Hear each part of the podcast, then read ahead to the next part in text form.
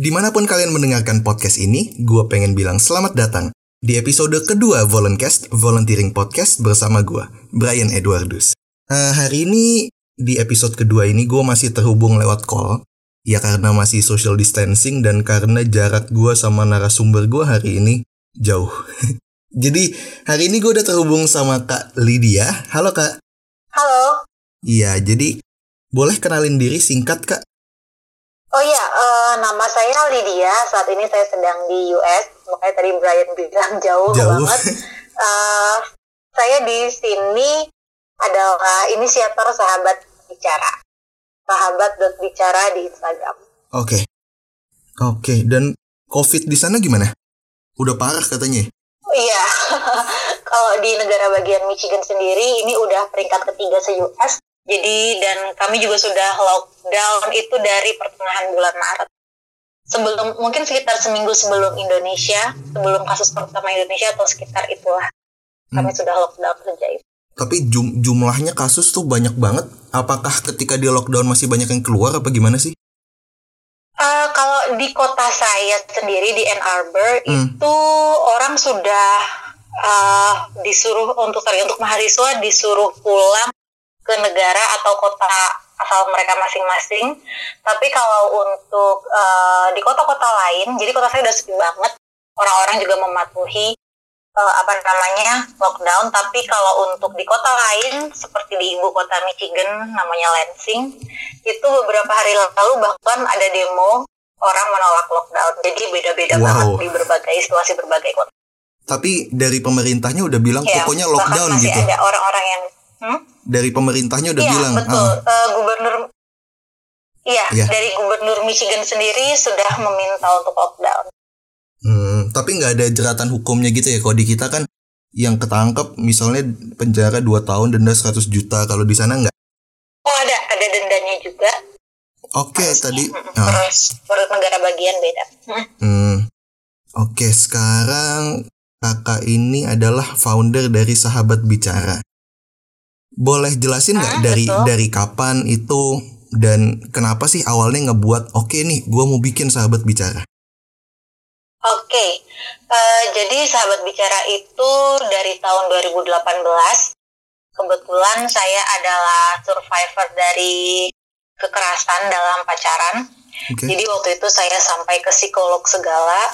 Lalu uh, setelah namanya setelah saya pulih dinyatakan pulih oleh psikolog saya akhirnya saya janji tuh kayaknya pengen bikin deh sebuah gerakan untuk cerita tentang kekerasan dalam pacaran atau intimate partner violence karena dulu saya tuh bertahun-tahun sulit sembuh sekitar 4 3 sampai 4 tahun sulit sembuh karena saya bingung mau cerita ke siapa. Okay. Jadi awalnya hanya memang untuk buat teman-teman berbagi cerita aja. Oke, terus berarti tujuannya lebih ke biar orang lain nggak merasakan betapa sulitnya untuk sembuh karena nggak punya teman untuk cerita atau tempat untuk cerita gitu. Iya, betul. Betul sekali. Jadi di awal itu saya memang bingung mau cerita ke siapa. Hmm? Mau cerita ke keluarga nggak mungkin sama sekali. E, lalu cerita ke sahabat sendiri pun saya waktu itu takutnya dijudge jadi sangat takut kalau orang nganggap saya ah kamu udah jadi korban.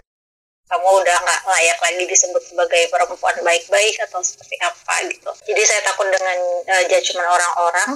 Lalu setelah itu saya juga uh, apa ya bingung mencari informasi. Saya harus saya ini harus ngapain Nah, jadi sahabat bicara ini tujuannya sebetulnya hanya untuk saling menguatkan dan sebagai batu loncatan pertama orang untuk memulai cerita supaya bisa pulih hmm. dari trauma. Oke, okay. tapi dulu nih kalau kalau nggak kalau sensitif sih nggak apa-apa nggak usah dijawab. Tapi hmm? dulu dulu ketika kakak ngerasa wah gue nggak tahu nih harus cerita ke siapa, apa yang akhirnya ngebuat kakak bisa pulih? Hmm, Sebenarnya itu yang pertama bikin saya pulih adalah saya akhirnya memberanikan diri untuk uh, datang ke support group. Oke. Okay. Jadi untuk para survivor atau penyintas atau bahkan dulu saya belum jadi survivor masih jadi korban, jadi korban. Jadi saya itu akhirnya cari eh, cari-cari info saya harus cari orang yang kira-kira punya pengalaman yang sama dengan saya ketemulah Instagram uh, aduh saya lupa apa namanya. Saya ketemu satu akun Instagram dan dia membuat oh namanya Lentera Sintas Indonesia. Nah di sana saya akhirnya ikut kelas mereka support sorry support grup mereka. Dari situ saya mulai berani bicara. Oke. Okay. dan berarti kakak setuju kalau untuk korban yang paling pertama itu adalah berani bicara itu langkah pertama untuk bisa pulih. Iya, saya percaya karena uh, dengan bicara kita jadi ada teman bertukar pikiran, terus tidak menimbunnya sendiri di dalam hati. Karena kalau sudah nimbun terus, uh, kita malah jadi apa ya pikiran kita jadi terblok. Iya iya. Jadi nggak ya jadi kita nggak bisa nggak punya teman bicara kita nggak punya masukan apa-apa dari teman tapi begitu ketika kita berbicara apalagi dengan orang yang pernah memiliki pengalaman yang sama dengan kita kita bisa tahu proses proses pemulihan diri mereka yeah. seperti apa hmm. begitu oke okay, terus udah berjalan sekitar dua tahun berarti ya atau belum dua tahun hmm, sudah dua tahun lebih udah dua tahun lebih kekerasan bentuk yeah. kekerasan yang paling banyak terjadi atau yang paling banyak di speak up itu apa sih kak? Uh, macam-macam ya kalau untuk jenis kekerasan um, ada kekerasan seksual, ada kekerasan fisik, misalnya dipukuli pacar. Kekerasan seksual ini juga tidak hanya berupa pemerkosaan, tapi bisa juga uh, pemaksaan hubungan seksual atau disentuh badannya. Sementara pasangannya menolak itu juga sudah termasuk kekerasan seksual atau dikirim pesan-pesan mesum itu pun juga sudah termasuk pelecehan. Ada juga kekerasan verbal ini juga cukup sering. Misalnya pacarnya bilang ah kamu bodoh atau lo bego gitu. Itu udah termasuk kekerasan juga ya kekerasan verbal lalu ada juga yang kekerasan kekerasan psikologis itu dari narasumber di sahabat bicara yang psikolog uh, psikologis itu juga ada. Misalnya manipulasi kekerasan ekonomi pun juga masuk. Jadi misalnya eh, ATM pasangannya dibawa oleh pelaku atau misalnya uh, ada juga misalnya beberapa perempuan yang melakukan kekerasan kepada laki-laki misalnya sering minta atau mengancam uh, untuk membelikan barang kalau tidak perempuannya akan marah atau akan ngamuk-ngamuk seperti itu juga cukup beberapa kali saya dengar. Jadi banyak sekali kekerasan yang terjadi. Terus kira-kira kenapa sih itu itu masih terjadi? Apakah karena gue cinta jadi gue bisa ngapain aja atau karena gue kelewat cinta jadi gue posesif atau gimana? Uh, sebetulnya itu adalah uh, relasi kuasa ya yang tidak seimbang antara laki-laki dan perempuan atau antar pasangan. Tidak tidak harus hanya lelaki pelaku tapi perempuan pun bisa, bisa jadi pelaku. Memang jarang uh, lebih jarang dibanding laki-laki yang menjadi pelaku tapi kasus perempuan sebagai pelaku juga ada. Jadi uh, biasanya relasi kuasa. Jadi misalnya yang satu merasa bahwa uh, apa ya dia tuh memiliki lebih banyak hak untuk mengintimidasi dalam tanda kutip pasangannya. Misalnya kadang kalau yang laki-laki berpikiran bahwa ah gue kan laki-laki jadi gue berhak dong untuk mengatur pacar gue yang perempuan gitu. Atau misalnya untuk yang perempuan mungkin ya gue kan perempuan gue berhak dong minta uang ke pacar gue gitu. Jadi hmm. itu adalah relasi kuasa yang timpang antara antar pasangan. Ya ini ini saya sekalian googling ya kekerasan dalam pacaran hmm? atau dating violence merupakan perilaku kasar, hmm? agresif, dan membatasi dalam sebuah hubungan pacaran. Berarti kalau misalnya nih, uh, saya punya pacar tuh saya ngomong ke pacar saya, lu jangan chattingan sama cowok lain, lu jangan ngejawab DM semua cowok gitu. Apakah itu udah termasuk kekerasan dalam pacaran? Uh, sebetulnya gini, kekerasan itu di, diidentifikasi jika pasangan itu merasa tidak nyaman. Apakah pasangannya nyaman? Jadi kita harus tanya juga, kita kan harus kalau dalam pasangan sih kan sebaiknya diskusi. Kalau misalnya satu orang keberatan, pacarnya misalnya DM dengan cowok lain, misalnya dengan perempuan lain, uh, tanya apakah kamu mempertimbangkan perasaan saya gitu. Atau misalnya saya nggak suka nih kamu DM DM dengan laki-laki lain, alasannya ini ini ini. Kalau si pasangannya nanti bertanya kenapa, kita harus memberikan jawabannya. Jadi uh, tidak hanya maksa nggak boleh tapi kita harus berikan alasannya kenapa sehingga okay. uh, pasangan pun juga tidak merasa dipaksa gitu. Itu sini ada infografis dari Tirto. Kekerasan dalam hmm. pacaran. Hmm. Yang pertama selalu merasa benar dan menyalahkan perilaku mereka kepada orang lain. Oke, yang kedua posesif yeah. posesif hmm. dengan mengisolasi pasangannya dari teman dan keluarga. Yang ketiga sering berlaku kejam pada binatang, anak-anak dan lain-lain. Tipe kepribadian hmm. yang abuser, merasa insecure dan sering cemburu. Oh berarti menurut kakak aja nih cemburu itu ada batas ah. wajarnya? Hmm. Iya apa enggak?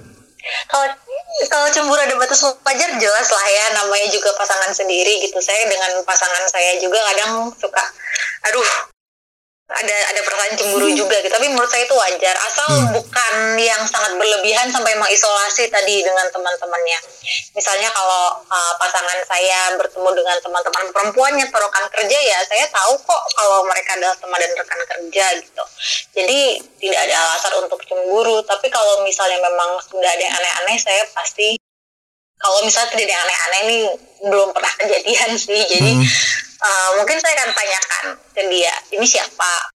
Lalu uh, apa namanya uh, kalian misalnya hubungannya apa? Jadi hanya itu saja gitu. Jadi tidak perlu yang sampai uh, terlalu menginvestigasi atau terlalu banyak kepo. Karena toh kalau kita tidak saling percaya kan nggak mungkin kita punya hubungan spesial. Iya benar, karena dasar dari hubungan apa pun hmm. sebenarnya kan trust dulu ya. Iya betul. Hmm. Oke. Okay. Terus berikutnya kerap melakukan pelecehan secara verbal. Ya secara omongan, tapi berarti kita harus mastiin dulu ke pasangan kita misalnya lu nyaman gak sih kalau gua ngomong gini misalnya. Iya, kadang common sense juga perlu ya. Kalau kadang kalau misalnya ada orang yang ngomong kasar kita, apa kita senang gitu, apalagi pasangan kita sendiri. Jadi uh, menurut saya common sense juga perlu.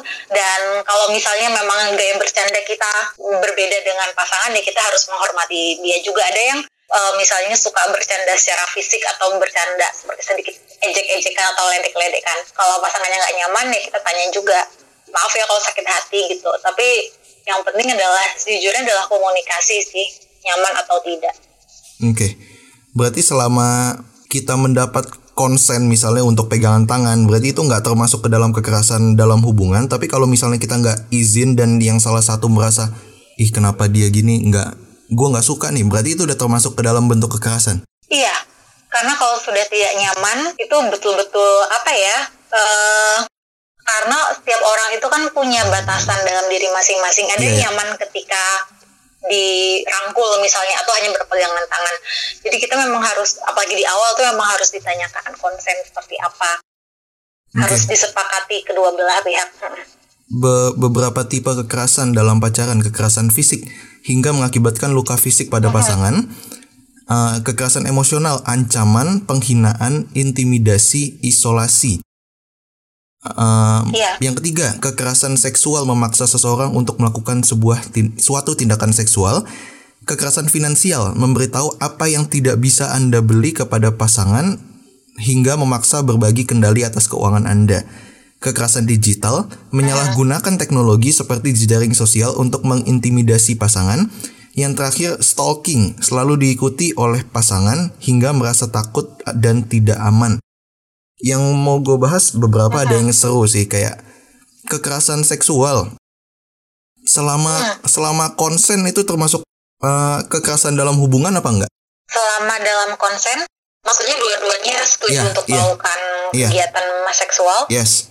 Kalau kalau dua-duanya, ya kalau dua-duanya konsen dalam keadaan sadar, misalnya satu orang tidak sedang terinfluence, uh, misalnya minuman keras atau sedang tidak dalam keadaan tidur, dan maksudnya sadar sepenuhnya itu adalah ya, itu bukan kekerasan seksual tapi kalau salah satunya misalnya di disodori minuman keras atau misalnya sedang tidur lalu ada beberapa ada banyak kejadian yang seperti ini sedang tidur lalu tiba-tiba uh, di dalam tanda kutip diserang secara seksual oleh pasangannya itu sudah termasuk kekerasan seksual. Hmm. Jadi okay. kalau ada konsen dan keduanya juga sudah sama-sama dewasa itu bukan kekerasan seksual. Oke, okay. yang baru saya dengar hari ini sih jujur kekerasan finansial ya. uh, ketika berarti hmm, ini istilahnya ya, kayak ekonomi uh, atau finansial. Berarti istilahnya kita minta sesuatu kah atau gimana? Iya, misalnya dibelikan sesuatu atau misalnya tadi seperti misalnya misalnya saya punya kartu debit hmm. terus misalnya pasangan saya bilang oh kartu debit kamu saya aja yang pegang karena misalnya kamu nggak pandai mengatur uang tapi saya nggak dapat hak sama sekali. Padahal di dalam kartu debit itu misalnya ada gaji saya. Nah itu udah termasuk kekerasan finansial atau kekerasan ekonomi. Dan dan atau bahkan iya. melarang kerja. Hmm. dan bahkan melarang kerja pun juga sudah termasuk kekerasan ekonomi. Kamu gak usah kerja di rumah aja. Padahal misalnya pasangannya ingin bekerja atau untuk mengeksplorasi diri dia sendiri di kerjaan. Nah itu juga sudah termasuk kekerasan ekonomi membatasi hal-hal yang berbau finansial Hmm, karena karena dalam pacaran seharusnya finansial itu belum disa belum jadi faktor yang bisa disatukan gitu ya. Iya betul. Tapi masalahnya hmm, banyak orang yang dalam pacaran pun sudah mengatur keuangan pasangannya tapi ini misalnya dalam konteks yang belum misalnya belum bertunangan atau belum ke arah jenjang yang lebih serius hmm. tapi baru pacaran saja sudah misalnya minta pin ATM itu juga sudah termasuk kekerasan finansial apalagi sampai meminta uangnya minta dibelikan ini itu minta di uh, apa namanya dipenuhi kebutuhannya secara finansial dengan paksaan atau mungkin dengan ancaman itu, sudah termasuk yang namanya kekerasan finansial atau ekonomi. Oke, okay. yang yang yang berikutnya yang menarik itu kekerasan digital. Menyalahgunakan teknologi hmm. seperti jejaring sosial, medsos untuk mengintimidasi pasangan. Hmm, apa ini termasuk misalnya aku mau tahu semua chat kamu sama cewek-cewek lain atau aku mau megang Instagram kamu biar bisa lihat kamu DM sama siapa? Iya, betul. Itu juga sudah termasuk yang namanya kekerasan digital atau mungkin yang sekarang juga marak terjadi uh, revenge porn. Jadi misalnya ada sepasang kekasih yang sudah putus, lalu entah laki-lakinya atau perempuannya me, apa namanya mengancam untuk menyebarkan entah foto atau video mereka berdua yang misalnya berbau adegan kegiatan seksual. Nah itu juga sudah termasuk kekerasan digital. Hmm. Dari sekian banyak ini kan udah jalan 2 tahun, hmm. ada nggak yang mana sih hmm? yang paling banyak di, didengar atau yang paling sakit lah istilahnya ceritanya yang mana kak? Uh, sebetulnya yang paling banyak selama ini cerita yang masuk adalah kekerasan seksual. Oke. Okay. Diikuti oleh kekerasan verbal. Jadi seksual dan verbal ini hampir selalu bergandengan tangan. Tapi ini kasus di sahabat bicara ya. Iya iya. Dari email yang masuk misalnya atau dari pertemuan-pertemuan uh, kelas support group itu banyak sekali, paling banyak uh, kekerasan verbal dan kekerasan seksual. Jadi uh, apa namanya siklusnya seperti ini. Jadi pasangan atau korban itu dibuat tidak berdaya secara verbal dulu, mentalnya dibuat hancur. Lalu setelah itu kalau mentalnya sudah hancur, dia akan dimanfaatkan secara seksual oleh pelaku. Itu siklusnya. Hmm. Ada sih yang uh, kekerasan finansial ada, kekerasan uh, apa namanya fisik ada, digital ada, tapi yang paling banyak itu justru verbal dan seksual. Oke, okay. berarti salah nggak sih kalau di sini kan siklusnya adalah dibuat tidak berdaya, secara mental jadi lemah, akhirnya mm-hmm. dilakukan kekerasan seksual. Jadi sebenarnya salah nggak sih untuk bergantung sama pasangan kita? Bergantung secara sehat, ada bergantung yang tidak sehat. Jadi kita terobsesi dengan pasangan. Pasangan harus misalnya kita minta pasangan untuk selalu melapor ke kita. Tapi kalau bergantung secara sehat, misalnya sekadar tahu kabar, dan bagaimanapun pasangan kan pasti saling memberikan dan membutuhkan uh, dukungan ya baik emosional atau apa pun tapi uh, jangan menjadikan bahwa pasangan itu adalah dunia kita yang benar-benar harus atau bisa kita kontrol. Jadi kalau uh, apa namanya bergantung boleh saja. Ya memang itu kan salah satu apa ya benefit mempunyai pasangan. Tapi hmm. kalau sampai berlebihan apa pun yang berlebihan itu kan memang tidak baik. Yes. jadi uh, ya hmm, jadi jangan sampai kita benar-benar merasa bahwa pasangan adalah milik kita seutuhnya dan bisa kita kontrol dan kita pun juga harus sadar bahwa pasangan tidak bisa 100% mengontrol hidup kita. Oke. Okay. Kalau tadi kan cemburu oke okay, normal tapi ada batas wajarnya. Kalau posesif gimana kak? Uh -huh kalau posesif sih menurut saya itu sudah kalau saya mendapat saya pribadi ya dan oh ya uh, sebagai gambaran saya ini bukan psikolog okay. jadi saya adalah penyintas hmm, jadi saya hanya dengar dari apa yang pernah psikolog saya katakan jadi kalau posesif itu uh, jelas bukan hal yang baik karena itu sangat membatasi kita untuk bertumbuh sementara ciri-ciri hubungan yang sehat salah satunya adalah membuat kita bisa bertumbuh semakin baik secara pribadi, secara misalnya secara akademik atau secara pekerjaan, secara finansial. Tapi kalau sudah positif itu akan sangat menghambat kita. Kadang-kadang kalau positif itu kan kita tidak boleh bertemu dengan orang, misalnya kita mau hmm. bertemu dengan klien, hmm. Pekerjaan atau ingin kerja dengan tugas kelompok itu juga sangat menghambat. Uh, saya ada sedikit cerita, jadi uh, di lingkaran terdekat saya ada seseorang yang uh, menjadi korban posesif oleh pasangannya sendiri. Jadi bahkan dia sampai untuk mengerjakan tugas kuliah saja tuh tidak boleh dengan kelompok harus sendirian. Oh, Jadi wow. ini pacar yang mengatur. Ya, benar-benar terjadi di depan mata saya sendiri. Jadi saya benar-benar oh ternyata ada ya yang separah ini posesifnya. Jadi itu sangat menghambat uh, korban untuk dia melakukan tugasnya kalau tugasnya keteteran nanti dia sulit dapat nilai yang bagus hmm. apalagi waktu itu dia sedang uh, tingkat 4 kuliah jadi dia bahkan untuk skripsi aja tuh susah sekali bimbingannya datang ke kampus itu susah sekali jarang sekali karena ya dilarang oleh pacarnya padahal pacar yang ngelarang gitu. nggak gitu. bisa naikin IP dia juga kan betul betul sekali betul sekali kalau nggak bisa lulus gimana nanti Makanya. dia untuk mem, apa hmm, untuk memenuhi kebutuhan ekonomi dia sendiri itu benar-benar makanya namanya posesif itu menurut saya sama sekali tidak sehat. Hmm, berarti kalau sejak awal gitu misalnya ada cewek gitu yang ngerasa kalau cowok gue kayaknya ada tanda-tanda posesif nih, mending ngomong langsung, mending hmm. stop atau mending biarin aja? Mending ngomong langsung, tanya dulu kenapa jadi jangan langsung tiba-tiba stop mungkin cowoknya juga entah cowok entah cewek yang posesif yes, karena yes. bisa keduanya yeah. ha, harus ditanyakan dulu jadi kenapa sih kok posesif gitu kadang ada juga yang punya trauma masa lalu misalnya hubungan sebelumnya juga kandas karena diselingkuhi misalnya itu kan bisa membawa ada trauma, trauma iya. hubungan selanjutnya yeah. Iya, jadi kita harus bisa memberi pengertian juga. Oh, kalau misalnya dia posesif karena dulu pernah diselingkuhi oleh mantannya, kita kasih aja kepercayaan bahwa ke, ke, mereka bahwa oke okay, kita enggak kok buktikan bahwa kita tuh memang tidak akan selingkuh gitu misalnya. Atau benar-benar teman yang akan kerja bareng atau e, belajar bareng dengan kita benar-benar teman aja gitu. Jadi sebenarnya adalah bagaimana build trust antara antara dua antara dua orang itu yang ada dalam satu hubungan. Oke okay, nyinggung soal trust tadi ya. Kan nggak bisa dipungkirin kalau misalnya nih ada orang yang kena jadi korban dari kekerasan atau sebenarnya tanpa jadi korban pun banyak orang yang udah punya trust issue sama orang lain. Betul. Misalnya kayak dulu tuh gue pernah pacaran terus gue pernah diselingkuhin terus akhirnya gue kayaknya nggak nggak bisa dipercaya segitunya lagi sama orang lain gitu.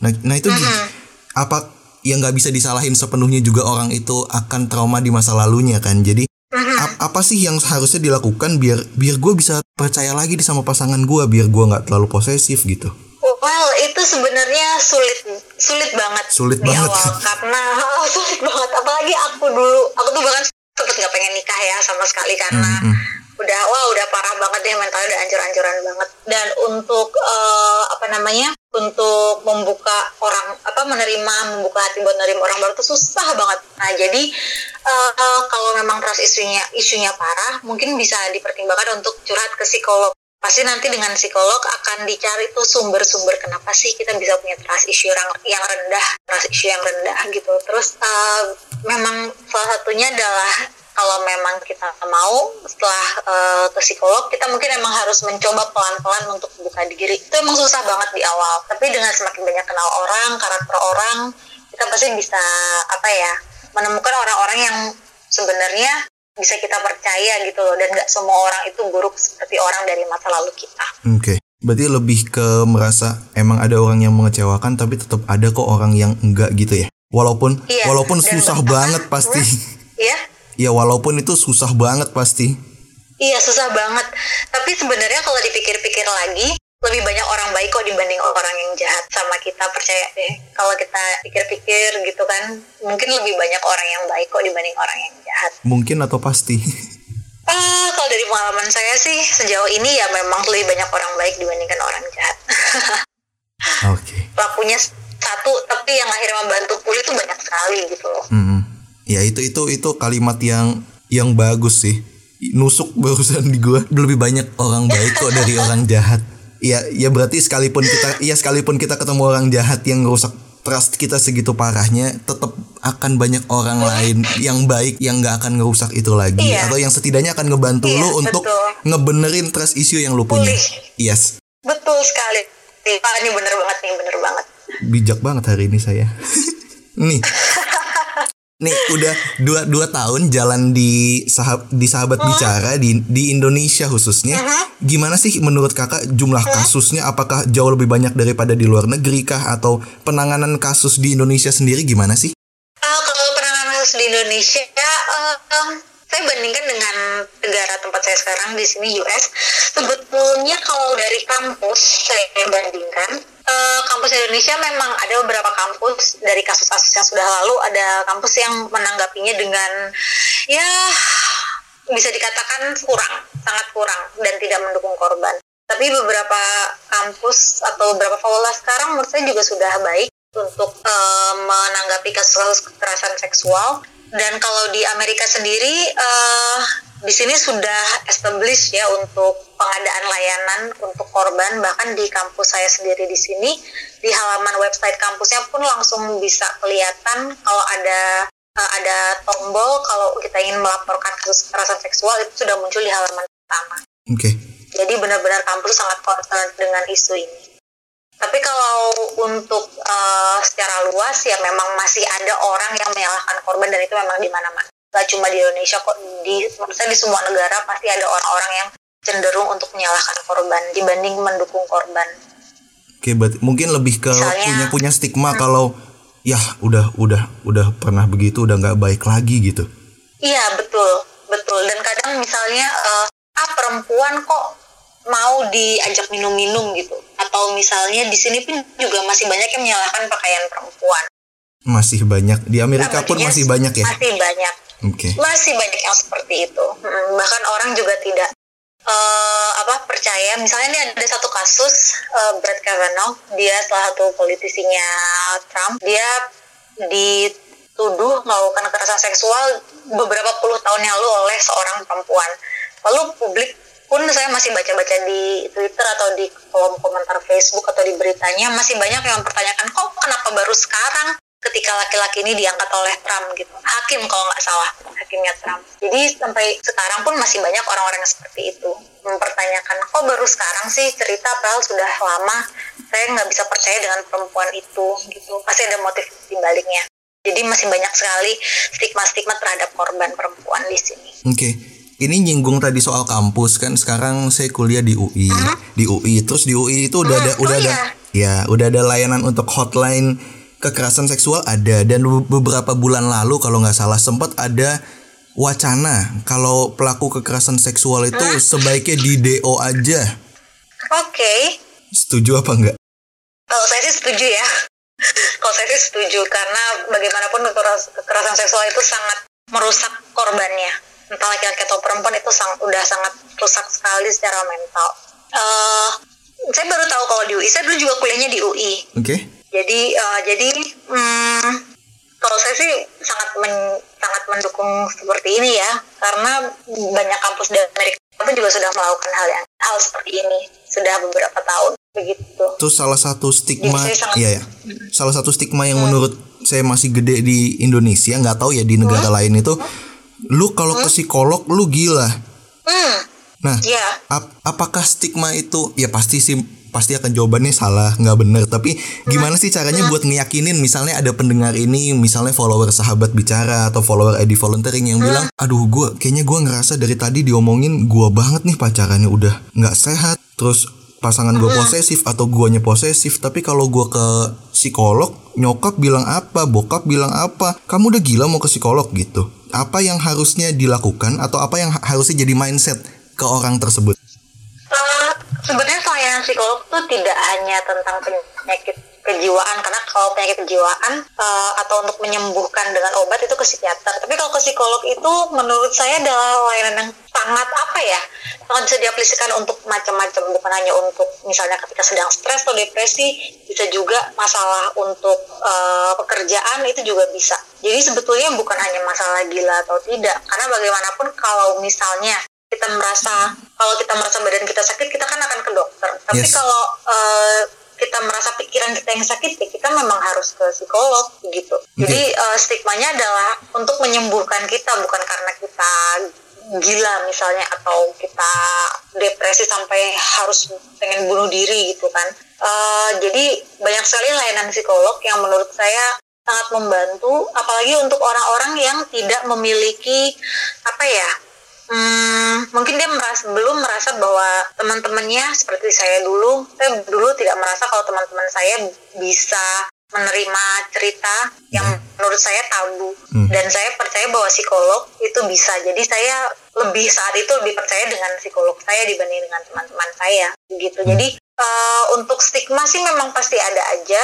Atau mungkin kalaupun misalnya memang butuh ya butuh ke psikolog silakan pergi. Tapi mungkin dikit dulu dari orang tuanya misalnya kalau orang tuanya masih memiliki stigma tersebut.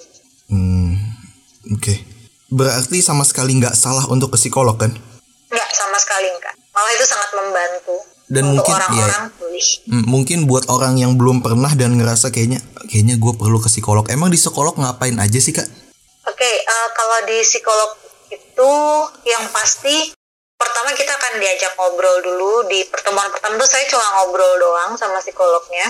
Belum dikasih kayak semacam PR atau tugas. Jadi dulu pertama saya memang hanya ngobrol cerita. Pokoknya semua tuh langsung keluar sambil nangis nangis itu udah wah udah sekitar antara setengah jam sampai satu jam itu saya bener-bener cuma ngobrol curhat nangis gitu. Udah. Hmm. dan nangis itu bener-bener yang yang kalau saya pikir-pikir wah gila juga bisa nangis sampai seperti itu gitu. Tapi setelah beberapa kali pertemuan akhirnya saya semacam diberi tugas oleh psikolog saya untuk mulai menggali kenapa sih sebenarnya saya begini.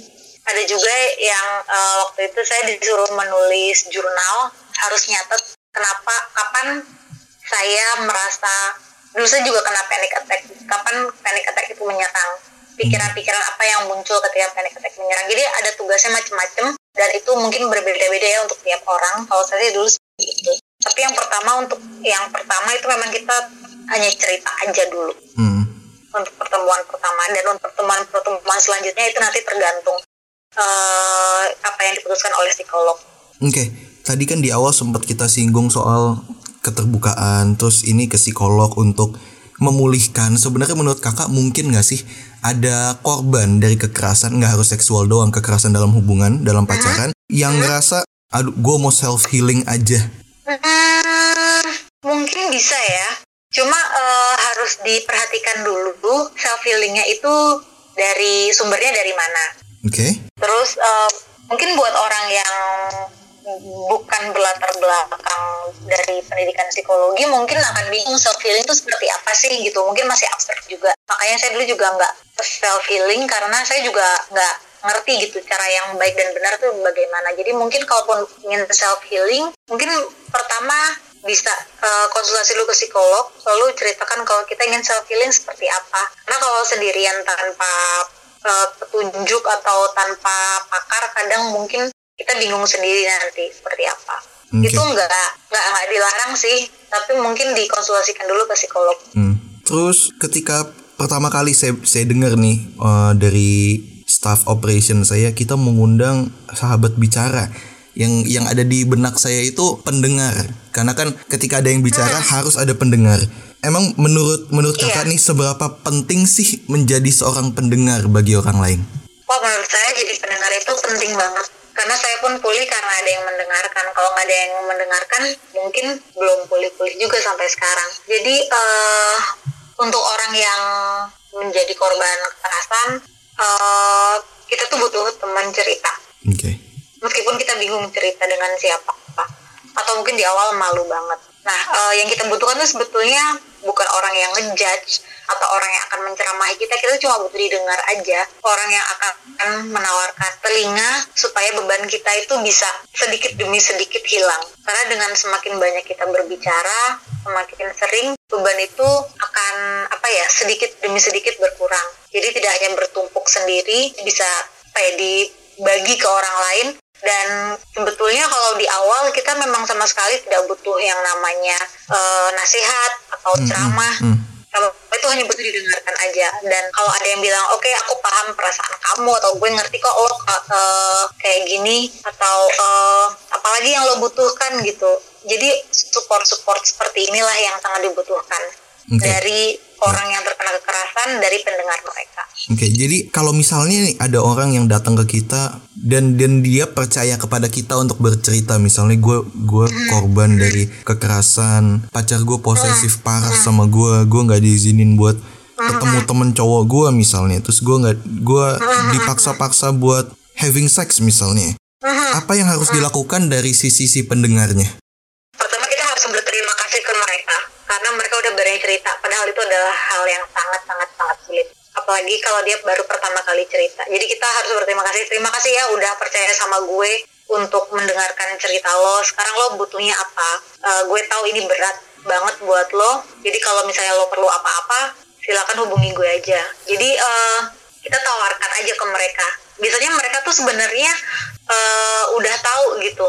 Gue cuma pengen didengerin aja. Oke okay, udah kita dengarkan aja. Atau gue bingung nih gue harus gimana? Kalau misalnya mereka menanyakan saran kita baru kita beri saran gitu. Okay. jadi jangan langsung kita harus oh harus gini gini gini gini. Nggak semua orang yang kalut akan menerima nasihat. Jadi yang penting adalah kita offer bahwa kita mau jadi telinganya mereka. Oke. Okay. hmm, berarti untuk menjadi pendengar bagi misalnya korban kekerasan nggak harus pernah melalui itu?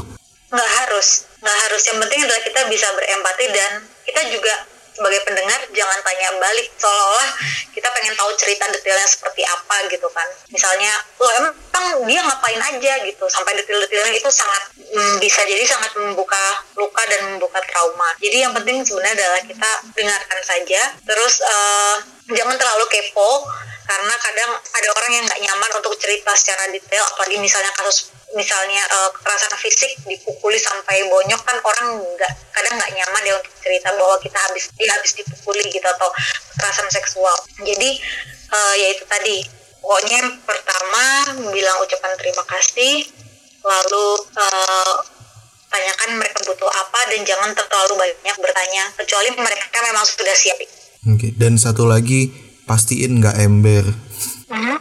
Ceritanya disimpan oh, iya. baik-baik. Iya. karena ya. itu kalau kalau iya kalau kita udah dipercaya terus akhirnya kita me, mematahkan kepercayaan itu makin parah terus isu orang yang cerita ke kita. Iya, kita harus bisa kecuali kalau misalnya dia minta tolong untuk dihubungkan dengan psikolog misalnya baru kita uh, hubungi psikolognya yang penting kita tanyakan aja dulu dia tuh perlunya apa apakah hanya didengarkan doang atau minta ditemenin psikolog atau misalnya apa pun lah yang dia butuhkan gitu oke okay. atau diajak jalan-jalan kadang hmm. terus dua dua tahun ini kita ya menjadi support systemnya support system yang baik ya jadi dua tahun di sahabat bicara ini kak, banyakkan sukanya, banyakkan dukanya atau apalah suka dukanya gitu? Oke, okay, uh, eh, kalau ditimbang-timbang sih lebih banyak, jauh lebih banyak sukanya ya. Misalnya kayak tahun lalu itu ada volunteer untuk sahabat bicara, itu bahkan ada cowoknya juga. Okay. Jadi senang banget kalau ada cowok yang concern di masalah ini karena memang masalah kekerasan dalam pacaran atau intimate partner violence ini masalah laki-laki dan perempuan bukan hanya masalah perempuan aja. Terus uh, kalau kadang kalau di DM itu juga baik, ada mulai ada beberapa laki-laki yang cerita atau yang kontak untuk misalnya mau ikut bantu untuk volunteer itu senang banget juga. Uh, kemudian bisa terhubung dengan komunitas-komunitas lain. Tahun lalu juga itu kerjasama dengan Yayasan Pulih, Yayasan Psikologi untuk uh, kebanyakan untuk korban kekerasan. Lalu ada juga komunitas Help Nona dengan komunitas-komunitas lain juga sempat ada kerjasama bahkan dengan ID volunteering juga sempat terlibat dalam satu acara di Health Nona jadi benar-benar apa ya uh, lebih banyak lebih banyak sukanya sih dan senang banget karena sudah banyak juga survivors yang mau cerita gitu di kelas-kelas support grup kami. Jadi melihat orang lain berusaha untuk pulih itu adalah sesuatu hal yang yang apa ya, yang sangat menggembirakan karena mereka sudah mulai berani untuk berbicara. Ya, melihat orang untuk mulai pulih itu menyenangkan banget. Cuma melihat orang untuk benar-benar pulih itu kayak gimana gitu ya kayak wah, iya. gua gua gua nemenin dia nih dari awal dia down sampai sekarang dia udah bisa pulih. Pernah ngerasa gitu nggak kak? Pernah. Jadi beberapa hari yang lalu atau beberapa minggu yang lalu gitu ada yang sempat DM terus bilang e, terima kasih ya uh, akhirnya bisa berani bicara sekarang sudah menentukan langkah ke depannya tuh mau seperti apa ini wow. cerita panjang gitu jadi hmm. kayak wow wow senang banget gitu benar-benar yang wow akhirnya itu nggak nggak bisa dikatakan sih senangnya seperti apa nangis nggak hampir. Tapi benar-benar terharu banget waktu baca DM seperti itu. Wow gitu bener-bener yang speechless. Karena tahu berat banget untuk pulih. Hmm. jalannya tuh panjang. Hmm. dan untuk menjadi bagian dari perjalanan panjang orang itu membahagiakan? Iya sangat membahagiakan sih. Nah tadi baru suka-sukanya doang masa nggak ada dukanya kak? Uh, dukanya adalah karena sekarang sedang hiatus sahabat bicara Okay. Karena saya masih di luar negeri, jadi benar-benar susah untuk juggling between two responsibilities. Jadi uh, agak sulit ya kalau sekarang. Jadi setelah ini semoga setelah ke Indonesia bisa uh, menjalankan sahabat bicara lagi lebih optimal dari sebelumnya. Oke, okay. lalu ke depannya planning untuk sahabat bicara udah ada nggak setelah berhenti dari hiatus ini? Gue mau bikin ini, ini, ini atau gimana? Iya, uh, sahabat bicara belum punya website, jadi setelah ini akan punya website. Oke. Okay. Rencananya yang menampung kisah-kisah uh, orang-orang yang pernah menjadi korban atau sudah jadi survivor dari korban kekerasan dalam uh, dari kekerasan dalam pacaran ini. Jadi uh, ini sedang disiapkan websitenya. Terus untuk kelas kelas-kelas support group nanti akan tetap dilaksanakan juga untuk berbagi dengan teman-teman lain karena hmm, meskipun secara dengan email atau dengan bercerita itu juga membantu tapi sebenarnya yang sangat membantu itu adalah ketika kita bisa saling berbicara tatap muka langsung cuma karena sekarang sedang pandemik jadi kayaknya untuk ketemu langsung agak ditunda dulu yeah. sampai situasinya mereda. Jadi mungkin lewat website dulu aja. Oke. Okay. Terus terakhir ada pesan buat teman-teman pendengar yang udah dengerin 40 menit lebih ini Mungkin ada yang bisa di, ada yang mau disampaikan untuk pesan kesimpulan kah atau untuk apa yang mau disampaikan lah pokoknya kak?